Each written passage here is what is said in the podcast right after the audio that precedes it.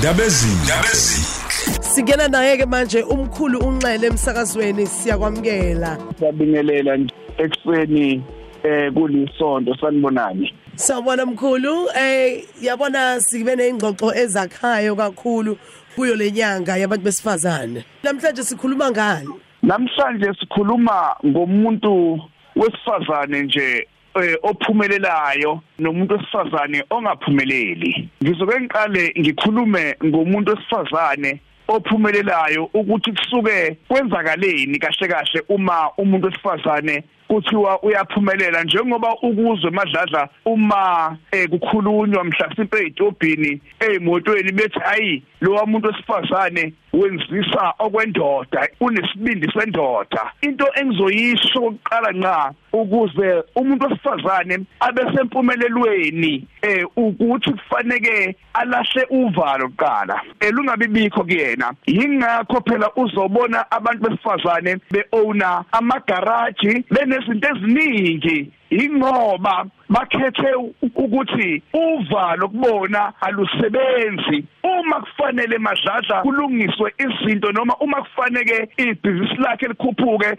uzobhekana nakho ngqo ukuthi yini ezokwenza ibhizinisi lami libe kwelinye izinga. Ngoba ukukhuluma madladla uxoxa mhlasimpe inkinga zakho nomngani wakho noma nezihlobo zakho yebo uzokukhulula emphefumulweni kodwa ngeke kuze kukukhulule ngokushodlobala kwebhizinisi lakho noma ngokushodlobala kwento oyiqalile noma kwaleyo nto oyenzayo. Yingakho ke uma umuntu wesifazane uzibona ukuthi unamaphupho ufisa mhlasimpe kuba usomabhizinisi mhlasimpe ufundile ufisa uqashwe ufanele ube nesibindi madladla ukwazi ukubhekana nama challenge onke ozobhekana nawo ukuthi lokhu kudinga ukuthi ngisukume ngime ngezinyawo. Uma kumele ngigezwe madladla ufanele ngigezwe. Uma kufanele ngilashwe kufanele ngilashwe ukuze lento yami ibe kuleli zinga engifuna ngalo. Yingakho ke madladla ke uzobona abantu besifazane abaningi bephumelela? Balahle uvalo bathi nabo uma kufanele belashwe bazolashwa uma kufanele begezwe bazogezwa.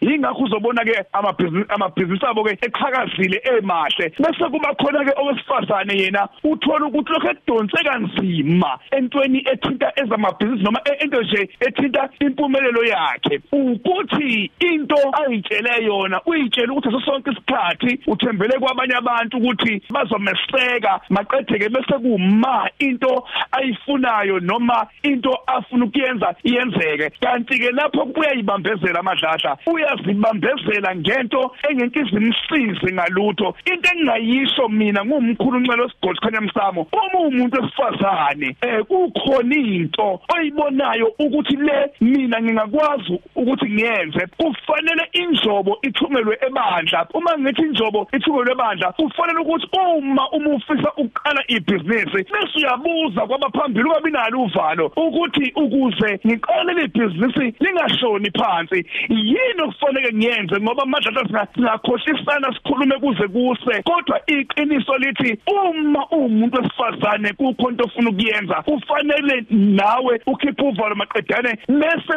uba nenhliziyo yokumekezela ezintweni eziningi ezizokuhlasela ngoba ngeke uzuphumelele kahle emadlahla ngeke uzuphumelele ungenaso isibindi sokubhekana nokuthi lento engifuna ukuyenza ngifuna ukuyibona kusasa ikuleya ikuleya ndawo. Kufanele ukuthi ke uphokophele phambili uye kuvalo. Unjalo madlala Oh siyabonga kakhulu mkhulu Nxele ayi yabona lapho nje ngempela ukhuluma into yokuthi umuntu akhiphe uvalo azilungiselele for impumelelo ayizenzakaleli njena? Madlala mina ngike ngibhekane nabantu besifazane kwesisikhathi uma befika la empangeni beze ngezinto ezehlukene engingibhekane nabantu besifazane obabonayo ukuthi ngendlela abaphokophele ngayo izinto ungazi umphiki ukuthi umuntu wesifazane kodwa lo okhuluma lento ayifunayo uyezu ukuthi ngaphakathi uqumbelene lento lo uyifuni njengoba injalo. Akasabe akanendaba futhi ukuthi nje ngifuna ukuzibona kusasa ngi-owner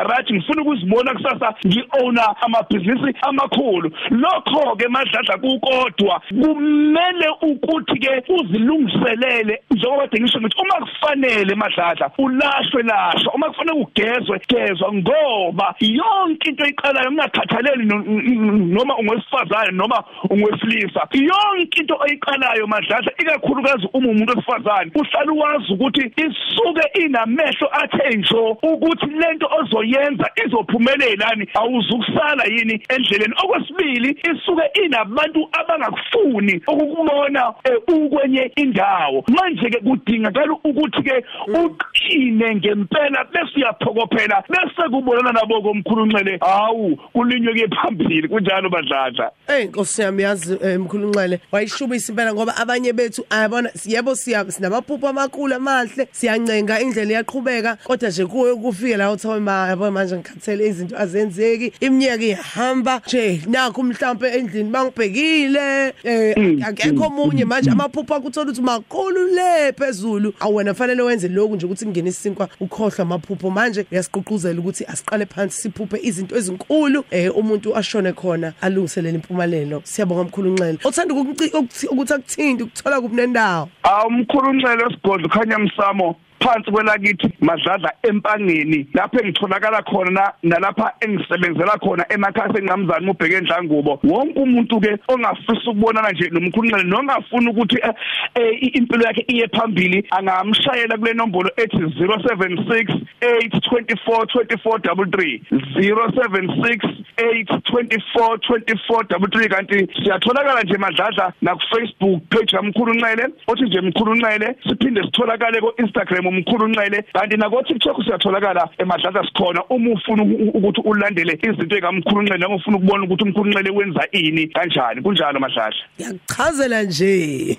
Hayi ngabezinhle ngabezinhle ube lempela sonto enhle kakhulu. Sibonge isikhathi sakho nolwazi lwakho lokuqhuquzela kwakho. Hayi wena fanele ube motivational speaker manje uma ume lapho endabuko uphinde futhi ube abalasha abantu chazela mlalelo ukhozi ingxoxo yethu ke naye ubaba unxele lapha empangeni. Thembe ukuthi ngempela ikwakhile namhlanje kuseni yakupha ithemba lempilo eh wena mbokodo onamaphupho amakhulu nala usuwakhohliwe wakhumbule ukuthi kusayeka ngaphambili ngeindlela ezihlukahlukene ingxoxo yethu ibibuswa yilokho Isiphakamiso, imbono nezithembiso okungenzeka sivele kule ngxoxo. Akuzona ezomsakazo ukhozi FM nenhlangano iSABC.